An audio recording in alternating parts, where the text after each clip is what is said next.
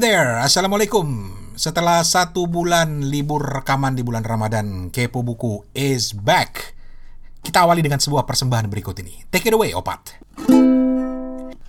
Setelah berpuasa satu bulan lamanya Berzakat fitrah menurut perintah agama.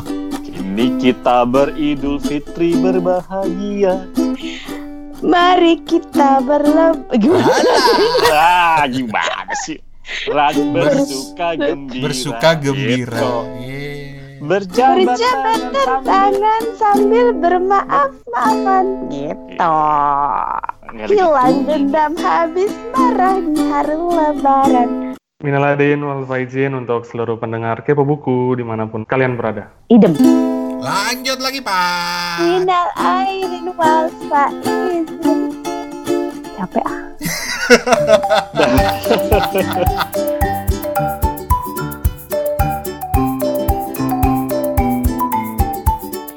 Kita ketemu lagi di Kepo Buku. Eh, Steven belum datang. Kayaknya dia baru pulang ronda gitu. Karena kita rekamannya ini jam 10 waktu Indonesia Barat. Dan di Ambon udah jam 12 malam. Udah nanya kabar dulu deh. Gimana yang lebaran? Toto mau dikecondet, Tok? Mudik kita biasa, alhamdulillah. Ngebayangin nih berapa kali kita rekaman. Oh, lagi di KL. Oh, lagi di mana? Lagi di mana? Tiba-tiba sekarang dicondet. Om Toto kapan jumpa fans dong? Gue tuh kesian sama Opat. Steven pernah ke Jakarta, gue udah beberapa kali ke Jakarta, Toto ke Jakarta nggak pernah berhasil ketemu. Emang kita kan gak pernah niat ketemu dia. ya udah, maaf lahir batin. Ya dimaafin Gue banyak nyela Toto, gue banyak nyela Opat. Sama-sama. Cela-celaan gue itu adalah bagian dari kecintaan gue pada kalian. Kecuali Toto. Kalau Toto gue niat banget emang nyelanya. Mendingan udah kagak usah cinta sama gue dah.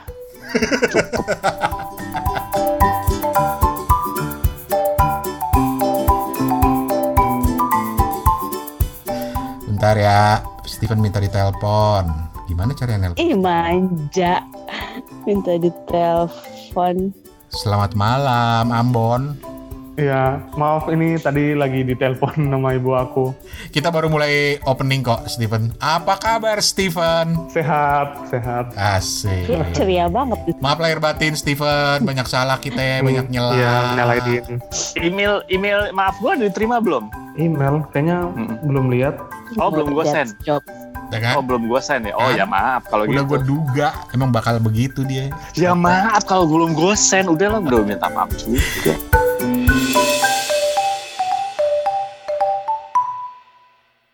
Sebulan nggak rekaman, pada baca buku apa aja? Rahasia Podcast apa ini? Podcast apa? gue udah serius-serius nanya soal buku, balikin ke arah buku. Dia rahasia. kalau rahasia kagak ada topik dong. Gimana sih lu? Lo selama sebulan nggak rekaman nih baca apa aja, Steven? Baca beberapa buku cerpen, terus buku komik juga. Cerpen apa? Judulnya Empat Aku, sekumpulan kisah dari Yudi Herwibowo. Salah satu cerpenis yang patut dibaca di 2019 karya. Asik. Hmm, diterbitkan margin kiri. Oke. Ini Yudi-Yudi yang solo itu bukan si Steve? Iya, iya mbak. Oh Hmm. Terus, terus, terus, terus, terus. Terus di kemarin mampir ke C2O Surabaya, aku ini nyelesain buku komik novel grafis gitu ya. The Art of Charlie Chan Hokchi dari Sonny Liu. Ini salah satu komik yang sempat mengundang kontroversi nih bang di Singapura. Oh ini komik Singapura. Hmm, hmm, Sonny Liu. Kenapa kontroversi? Karena funding penerbitan buku ini dari pemerintah Singapura, Hmm. Namun di dalam buku ini si Charlie Chan ini komikus kondang Singapura ini dia ini menghadirkan sosok perdana menteri lamanya itu dengan dengan tegas gitu dengan isu-isu yang cukup kontroversi gitu. Oh, ada tokohnya di komiknya ada Lee Kuan Yew toh. Iya, ini kan yang ditanyain Steven sama gua waktu itu udah baca belum? Gua bilang belum. Terus terus terus buku apa lagi? Terus buku buku kakiku. Terima kasih Bang Rane. Alhamdulillah udah nyampe bukunya. Mm-mm. Ini benar-benar apa ya? Benar-benar dibaca perlahan, dibaca semasa puasa kemarin satu demi satu cerita aku baca. Aku benar-benar senang banget bisa dikasih buku ini. Terima kasih banyak Bang Rane. Alhamdulillah dititipin. Soalnya gua nggak bisa ngerawat buku. Dan aku boleh ngasih beberapa quote dan cerita yang bagus nih dari buku kakiku nggak? Apa tuh apa tuh apa tuh? Hmm, siapa ya? Siapa ya? Pak Budi Pak Budi Dharma. Nah kan kalau misalnya Hmm, Pak Budi Dharma di ditanyain bacaan yang baik tuh kayak gimana kan? Kalau Budi Dharma tuh bilang di tulisannya kayak gini. Selesai membaca tidak berarti selesai segalanya, tapi justru merupakan awal dari pengembaraan pikiran, perasaan dan naluri pembaca. Karena itulah, berbagai bacaan yang baik yang sanggup memukau saya akan meninggalkan kesan yang sukar terlupakan. Pengembaraan yang ditawarkan oleh bacaan yang baik inilah yang kemudian menambah wawasan saya. Jadi menurut Pak Budi Dharma tuh bacaan yang baik tuh yang meninggalkan kesan yang seperti itu. Hmm. Sama ini, sama ini bang, kisah hidup Pak sama. Syamsul Anwar Harahap. Hmm. Kan Siapakah dia? beliau ini adalah seorang petinju nasional nih, Mbak Opat. Hmm. Dan aduh kisah hidupnya tuh memilukan gitu ya. Beliau ini ketika kecil ceritanya tuh waktu dia diminta ke papan tulis untuk kerjain soal, tangan kanannya tuh ini lumpuh layu gitu loh.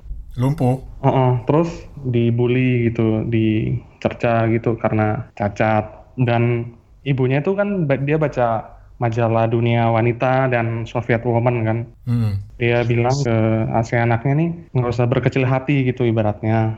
Ada kisah yang di Amerika namanya Wilma Rudolph. Dia itu seorang pelari jarak pendek dari sana yang berhasil merebut medali emas 100 meter Olimpiade Roma di 90 1960. Nah, Wilma Rudolph ini juga kakinya cacat, lumpuh, tapi dia bisa jadi juara atletik. Nah, kenapa kamu nggak bisa seperti dia gitu? Dan gara-gara ibunya baca buku, dalam artian ini dia baca majalah dan Mhm. bisa memberikan sebuah dorongan yang yang baik, yang positif. Pak Syamsul ini akhirnya kemudian berlatih tinju dan sisanya adalah sejarah gitu. Dia bisa menjadi seorang sosok lewat dunia tinju gitu. Iya. Di komen, Dan puncak ah. puncak karirnya ketika dia tampil di Olimpiade tahun 76. meski nggak meraih medali tapi betul-betul membanggakan ya bang ya. Betul. Jadi menarik karena Samsul Anwar ada di buku itu cerita tentang hubungan dia dengan buku. Jadi buku kakiku itu cerita tentang banyak tokoh-tokoh dan hubungannya dengan buku. kecintaan mereka dengan buku tuh di, di- digambarkan dengan dengan sangat-sangat bagus di buku ini.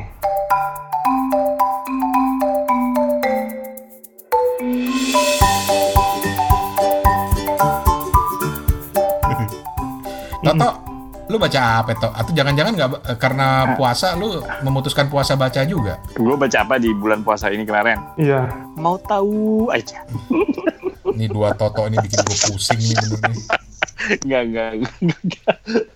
gue tuh Kan kualat lo, rasain lo. Yup. Gue di bulan puasa ini gue justru baca buku eh, kesehatan. Wih, mantap nih. Eh, Hmm, buku apa? Om? Buku apa? buku kesehatan. Kenyataan. Oh, bukan. buku kenyataan itu kayak apa? Kenyataannya bahwa itu buku gitu ya. Eh gue belum selesai, tapi gue lagi berusaha menyelesaikan dua buku. Yang pertama bukunya si Amy Myers, MD, Mhm. yang judulnya The Autoimmune Solution: Prevent and Reverse the Full Spectrum of Inflammatory Symptom and Disease. Lu kenapa jadi baca buku yang kesehatan gitu sih? Suka-suka gue dong. Orang gue punya duit gue beli buku. Suka-suka gue dong. Yang kedua bukunya Karen Fisher. Hmm. Ini bukunya judulnya agak-agak serem nih ya. The Eczema Diet, Eczema Safe Food to Stop the Itch and Prevent Eczema for Life. Oh. Eksima itu maksudnya eksim itu kan ya? Mm-mm, betul sekali. Eksim kulit gitu?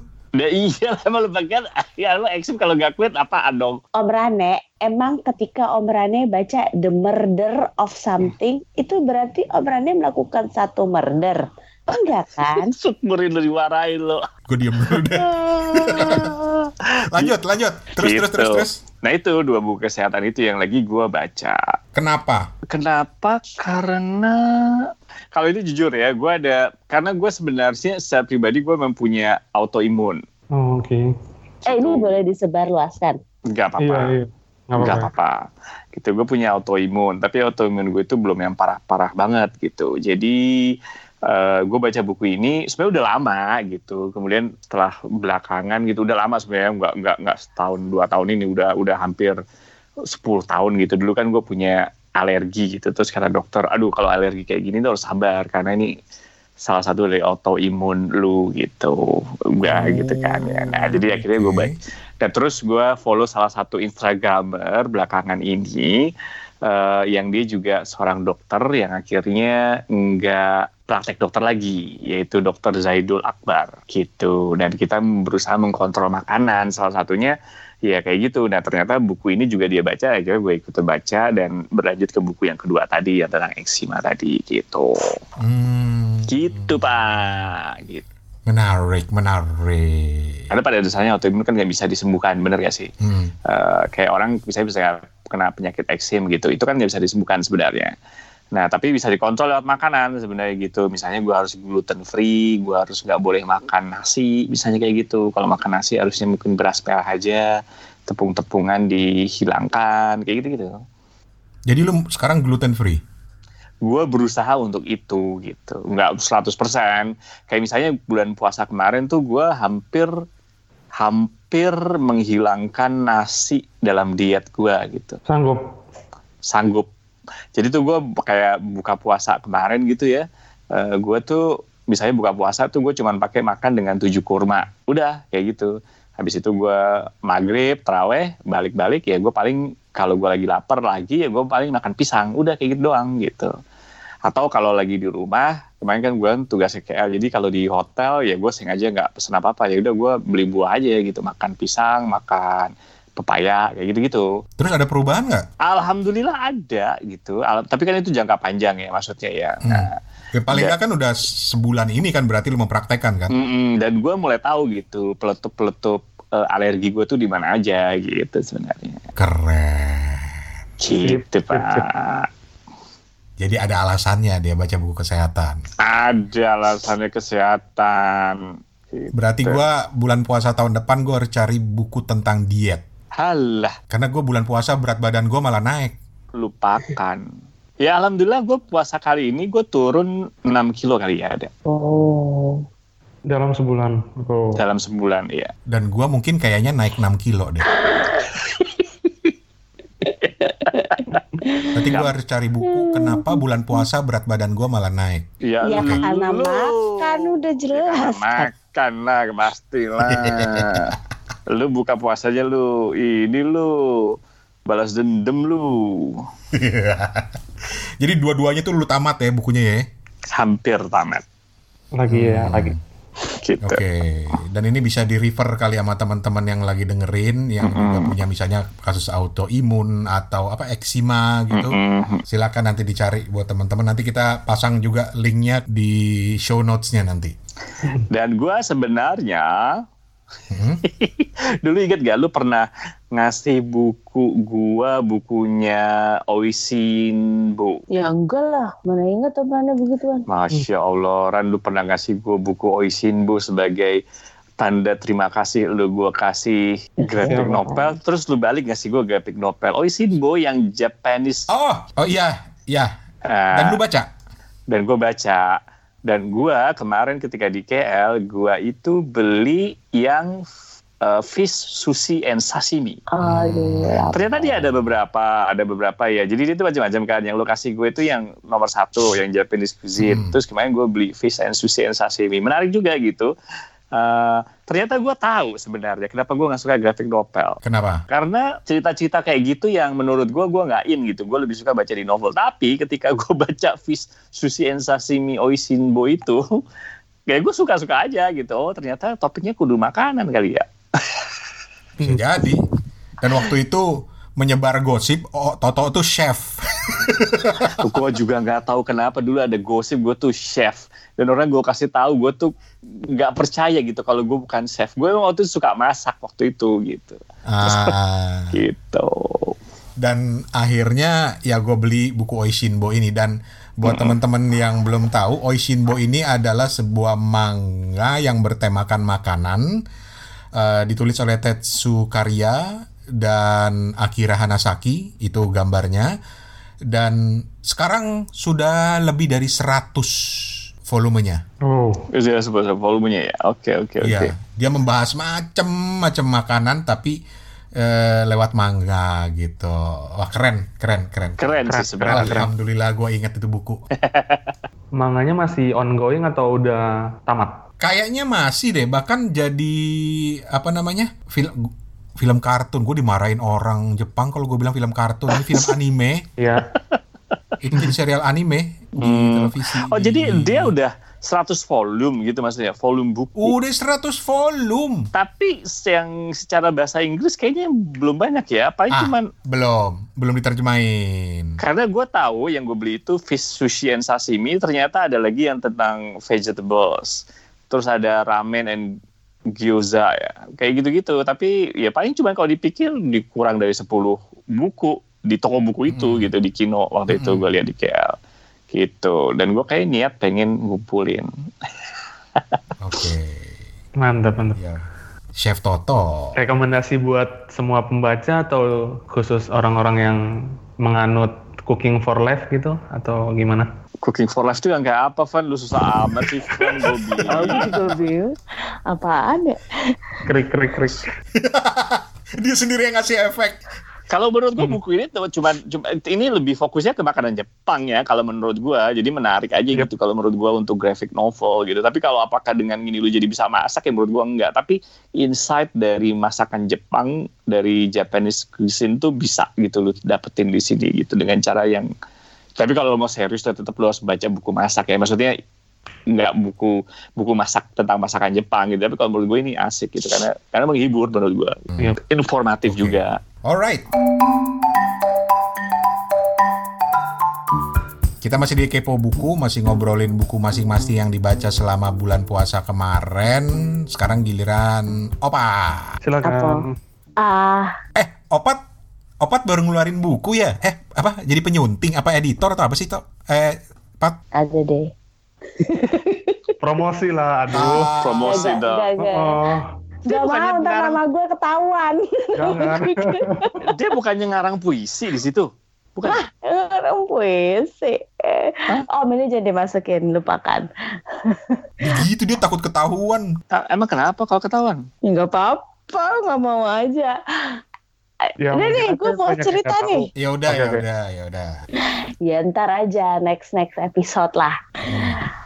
Gue bukan mau cerita buku yang selesai gue baca, tapi buku yang nggak rampung-rampung gue baca. Apa tuh? Jadi kan uh, waktu selama puasa kemarin kayak mau baca buku, kayak baru baca dikit, aduh males nih, gue ganti lagi gitu. Hmm, hmm. Terus lagi baca dikit, ah males nih gue ganti lagi. Ada yang emang sengaja gue cicil pelan-pelan gitu. Jadi sampai sekarang statusnya masih now reading.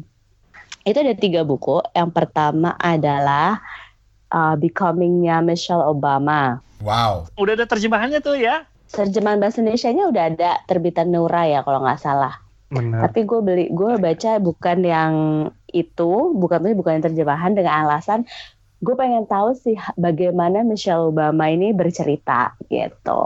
Hmm, oke, Bagaimana struktur kalimatnya dan sampai sekarang walaupun baru baru 80-an lah Hmm.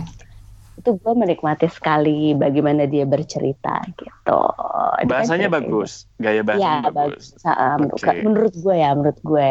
Oke. Terus yang kedua bukunya Wijaya Herlambang Eh, yang kekerasan budaya pasca 1965, bagaimana Orde Baru melegitimasi anti komunisme melalui sastra dan film. Ini pernah disinggung-singgung juga di episodenya sama Teddy ya kalau nggak salah. Hmm, Hmm, oke oke. ini keren, ini keren. Ini, ini bagus sampai sekarang gue baru sekitar 50-an halaman. Gue gimana ya, gue menikmati membacanya. Cuma gue lagi males aja. Jadi gue sebulan dua bulan ini lagi males baca sebenarnya. Hmm. Dan yang ketiga, ini tuh, eh tebak apa? Ini buku yang filmnya keluar tahun ini. Apa ya? Bukunya lama. Aladdin. Avenger, Avenger, Avenger. Kurang spesifik, Mbak. Apalagi apalagi? Iya. Judulnya. Catatan Sidul 2. Dul, eh, catatan sidul dua, iya iya. belum catatan belum sidul dua. tayang. Belum tayang film barat Spider-Man. bukan. Yang main salah satunya Mel Gibson. Sebentar, Tuh cari Mel Gibson. gue ya. cari Mel Gibson. Eh bacanya Mel Gibson apa Mel Gibson sih? Gibson, Gibson. Apaan ya? Gak tahu gue. The Professor and the Madman. Oh, The Professor and the Madman itu apa aslinya? Hmm? Oh, novel. Ya ya ya ya ya ya. Oke oke oke. Terus terus terus terus Oh, bagus Mel bagus. Gibson bagus. sama Sean Penn. Oke. Iyo, apa ya? Gue gue baca terjemahannya. Gue nggak tahu ya. Gue baca versi aslinya atau terjemahannya gimana. Gue agak terhambat membacanya ya. Sebenarnya gue kesal sendiri karena gue pengen baca tapi gue gak mood terus membacanya. Ini novel atau biografi? Setahu gue novel ya. Ternyata bukan sih. Ah. Setahu gue novel deh. Jadi ke sana tuh novel sih. Iya novel novel novel. Jadi kayak Kayaknya fiksi sih. Historic Fiksi, novel kan? bukan? Iya, Bukan semacam historic. itu ya jadinya ya.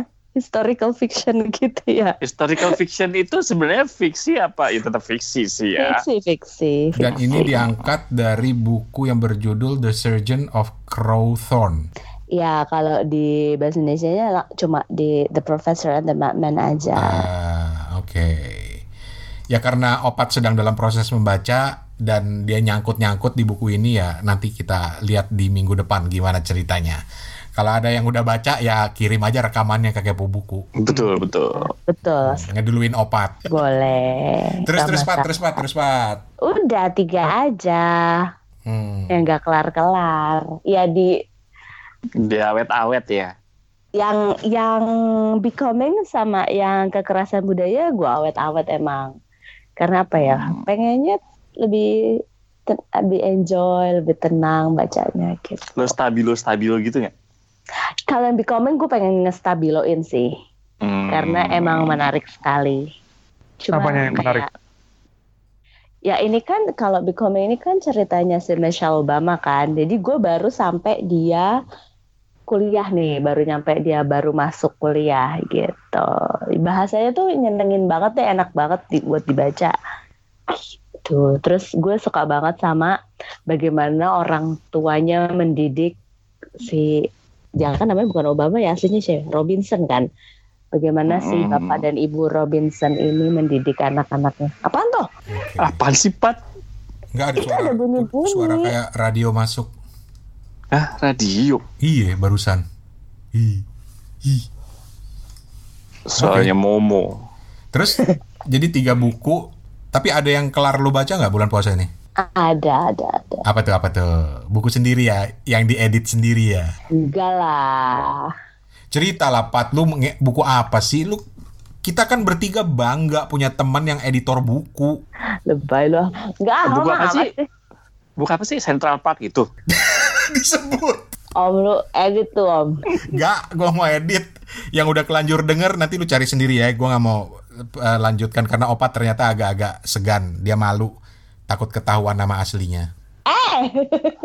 Ya, kita kan nggak ngasih tahu nama aslinya apa. Kita kan ngomongin bukunya. Tahu ger banget. Atau atau nanti kita minta eh, Steven untuk membaca dan meng- Nah, mengulasnya ya iya. Pan ya. S- Steven udah tahu bukunya belum, Van? Belum, belum. belum Ya, tahu. coba ntar lu kapan-kapan cari. Iya, Van, cari bukunya judulnya Central Park. Ya, Mhm. diterbitin nama penerbit Spring. Gitu.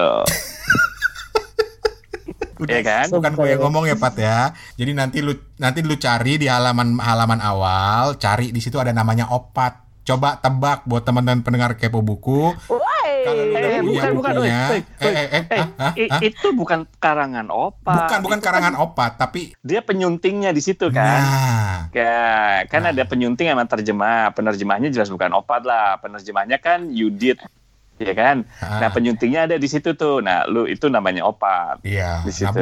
Yes. apa nanti minta tolong kita minta tolong Steven untuk mempelajari lebih lanjut karena Steven biasanya update banget dengan buku-buku begini. Update banget buku ini gitu. Rasain lo dikeroyok tiga orang lo. Dah, nggak ada alasan. Apa sih? Gak ada alasan ngapain? Ya nggak ada alasan untuk nutup-nutupin lagi. Kayak ditutup-tutupin. Buat teks episode gue bilang. Oh ya udah, asik, berarti asik. next episode akan dijelaskan langsung oleh penyuntingnya. Lebay-lebay. Ini kayak semacam previewnya aja gitu. Mm-mm, Iya. Sprinkle sprinkle doang gitu. Iya, sprinkle sprinkle little star. Sprinkle. Little star. Tapi bener dong, kita bangga dong ada temen yang jadi penyunting buku. Betul. Ah, lebay lu om. Serius, bangga gue bangga. Gue belum pernah punya teman penyunting buku gitu loh. Tapi tapi eh, Pat lu menyunting buku-buku apa namanya eh, misteri kriminal gini gampang gak sih Pat? Jelasin lagi. Hmm, Next episode. Oke. Next episode. Eh, tapi Pat itu lu nyuntingnya lu pakai gunting apa gitu? Penting jahit, penting jahit gue tajem memang sih ya. Tajemnya tajem banget kan. Next episode. Next episode. Oke. Apa? Oke. Eh, Mbak Opat, Mbak Opat, berapa Ay. lama Mbak Opat eh, kelar pentingnya? Apaan? Next episode ya.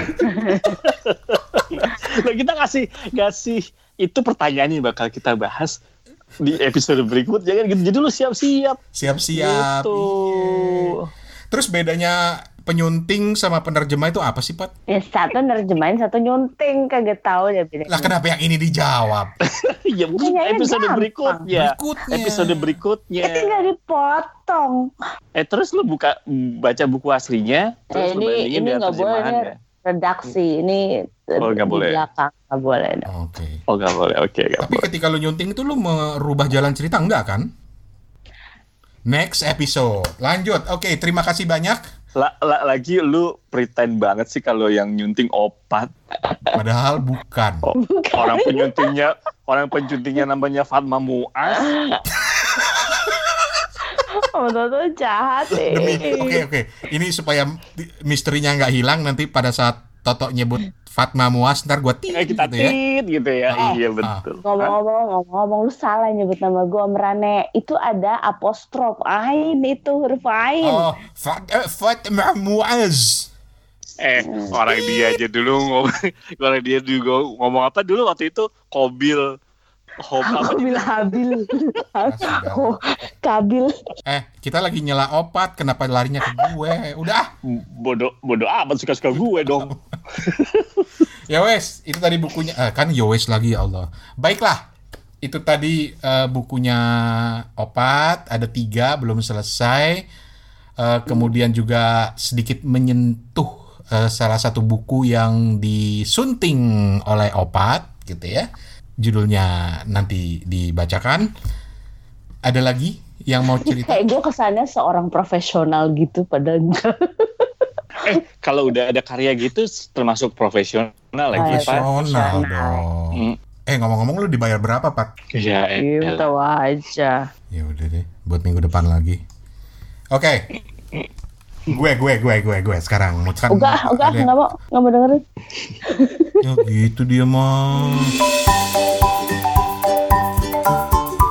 Dan kita lanjut lagi di Kepo Buku yang hari ini benar-benar super oot karena berbagi cerita tentang bukunya masing-masing. omongannya mau ngomong oot, gue kira dia mau ngomong oon mulu dah. Oke, eh, Aduh, mau batuk. tiga aja sih yang karena yang lain belum kelar. Eh, Faisal Odang tiba sebelum berangkat. Gue inget banget eh, Steven pertama kali nyebut buku ini waktu dia bikin reportase dari Ubud Writers and Readers Festival. Betul, Steven? Eh, kayaknya Betul. sebelumnya, kayaknya sebelumnya. Eh, sebelumnya, ya? tapi dia ada Iya. di Ubud Festival kan? Eh, nggak ada, nggak ada. Oh salah gue, so tau. Lu, lu salah mulu lu. Tahu nih gue salah mulu. Om, eh, kita mau ngulang rekaman dari awal nggak om? Lu salah mulu om. Salah nggak apa-apa ya. Itu bagian dari manusia, maaf lahir batin. Tapi gue tertarik sebelum gue gali lebih dalam bukunya, gue tertarik langsung begitu Steven nyebut karena namanya yang pertama. Faisal Odang, wah orang Bugis nih. Gue sebagai berdarah Bugis gue tertarik gitu kan. Tapi yang kedua karena judulnya, judulnya itu deket banget dengan sebuah filosofi yang sering banget diceritain sama paman-paman gue dulu termasuk bokap gue, yaitu tiba sebelum berangkat itu apa istilahnya ya filosofi orang Bugis lah. Hmm. Kalau ada orang Bugis asli di sini jangan diketawain gue.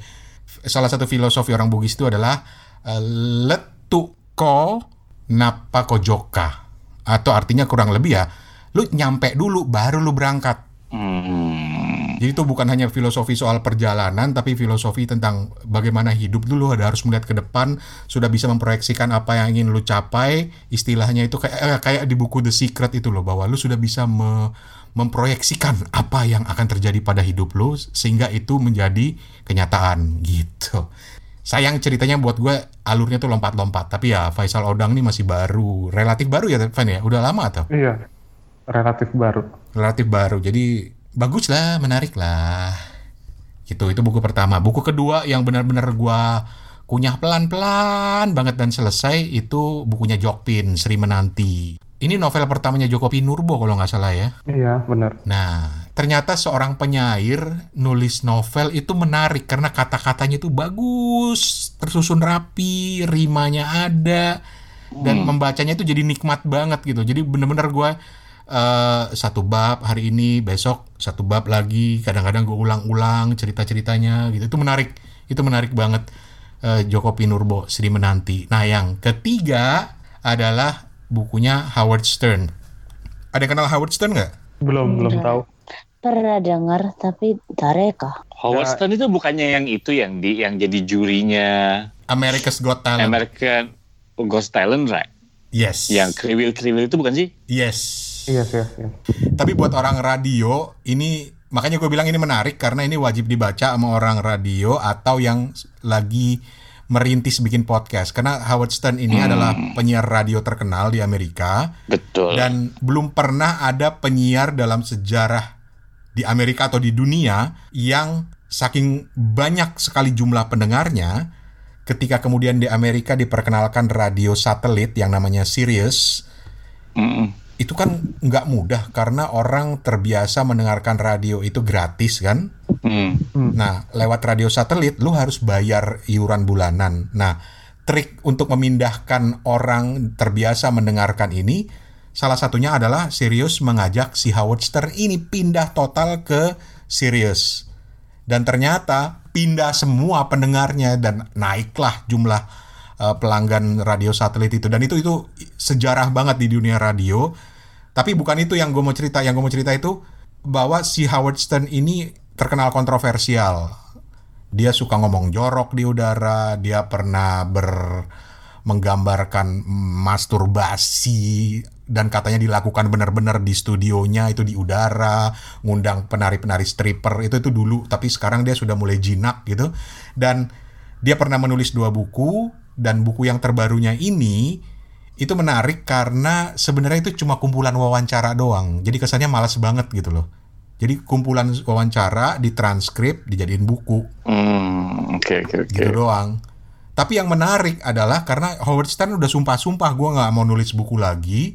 Tapi kemudian penerbitnya itu datang udah dengan bukunya udah jadi, udah jadi, udah ditranskrip semuanya terus dikasih nih, lu tinggal nulis kata pengantar udah jadi bukunya.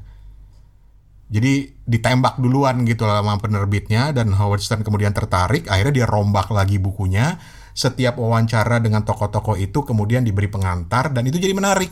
Karena kenapa gue bilang menarik buat orang radio atau yang suka podcast? Karena di situ dia cerita tentang gimana sih proses wawancara dia, bagaimana dia melakukan riset, dan orang-orang yang diwawancara di situ menarik-menarik, mulai dari eh siapa presiden Amerika sekarang? Kok gue lupa ya?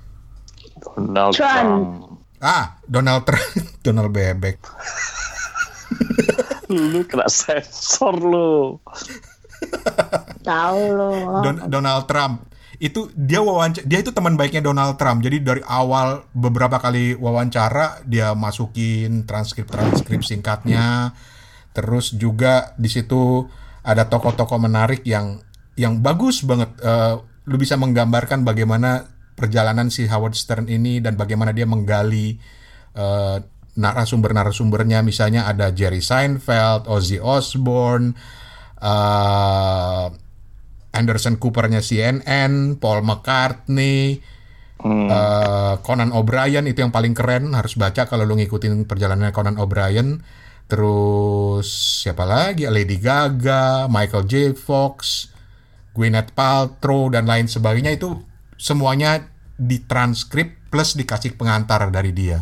Makanya gua tebel banget bukunya. Bagus ya, bagus. Bagus. Oke. Recommended banget. Kalau lu pengen belajar tentang teknik interview, ada dua buku yang selalu gua rekomendasi. Yang pertama bukunya Larry King, yang kedua bukunya ini Howard Stern ini karena Larry King itu ciri khasnya ketika dia wawancara, dia nggak pernah mau tahu siapa yang mau dia wawancara. Makanya ketika pada suatu hari di studionya masuk empat orang gondrong-gondrong dan memperkenalkan diri sebagai Aerosmith, Larry King nanya, Aerosmith itu siapa?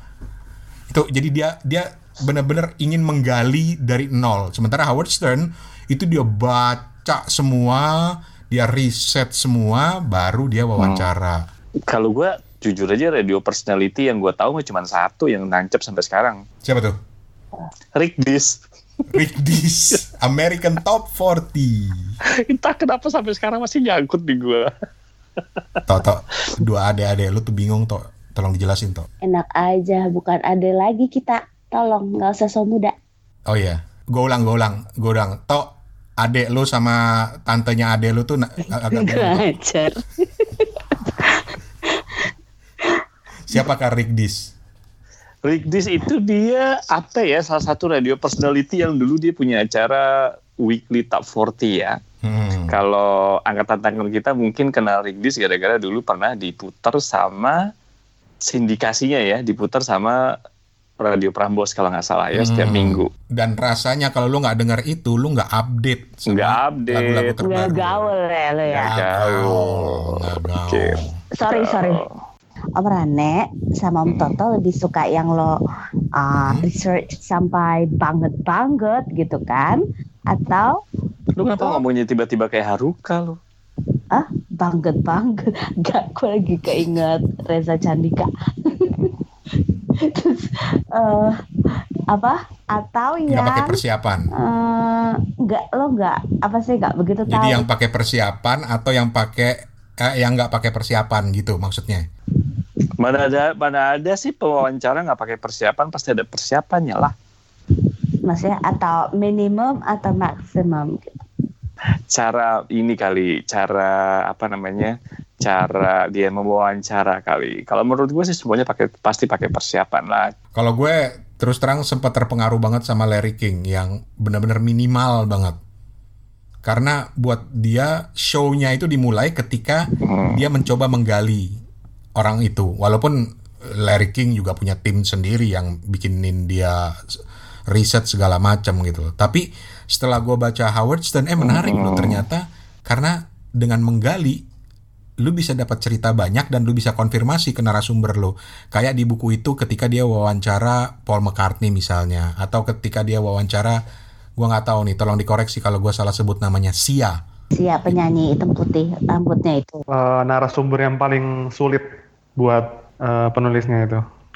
Yang paling sulit itu kalau yang udah gua baca ya dan gua baca dari deskripsinya si Howard Stern itu adalah ketika dia harus wawancara Ellen DeGeneres. Kenapa? Kenapa? karena emosional banget emosional banget dan si ternyata Ellen itu kisah hidupnya itu penuh penderitaan mulai dari bapak tirinya lah kemudian bagaimana dia kemudian mengaku sebagai lesbian dan lain sebagainya itu tuh membuat si Howard Stern sendiri ter- kebawa perasaan dan kadang-kadang dia lebih banyak diam dan speechless tapi kalau yang paling menarik itu gue belum baca gue gue eman-eman yaitu dengan si Conan O'Brien itu karena di situ Conan O'Brien yang dikenal sebagai tukang bercanda ternyata di wawancara dia malah membuka diri tentang sesuatu yang belum pernah dia ceritakan selama ini dan itu sama. Eh, kenapa ya pelawak-pelawak atau komedian itu banyak yang latar belakangnya muram, Kelam. Hmm. kelam, gitu. Dan yang menarik juga dari buku itu adalah ketika dia cerita tentang proses dia nguber Hillary Clinton karena dia ngefans banget dan itu nggak pernah dapet. Jadi di, di buku itu di judulnya adalah Hillary Clinton wawancara yang tidak pernah terjadi. Jadi dia sahabatnya Trump tapi dia ngefans banget sama Hillary Clinton. Yes, dan Trump ketika kampanye bahkan mengajak dia untuk eh, jadi apa ya istilahnya promoternya dia lah atau mendukung dia lah ya Tapi dia mau. untuk menjadi untuk menjadi BPN-nya lah ya. Ah, BPT, BPT, BPT, Badan Pemenangan Trump gitu ya. Tapi dia mau nggak? Nggak mau, Oh nggak mau. dia nggak mau. Dan dengan sombongnya dia bilang di CNN, padahal kalau gua mau, gua sekarang udah jadi jaksa agung katanya. Keren. Keren. jadi ya, ya, ya itu sih. Jadi menarik lah kalau lu suka belajar tentang dunia audio, dunia podcast, dunia radio, lu harus baca ini. Walaupun awalnya terkesan kok malas banget nih orang nulis bukunya gitu loh, karena itu cuma transkrip wawancaranya aja.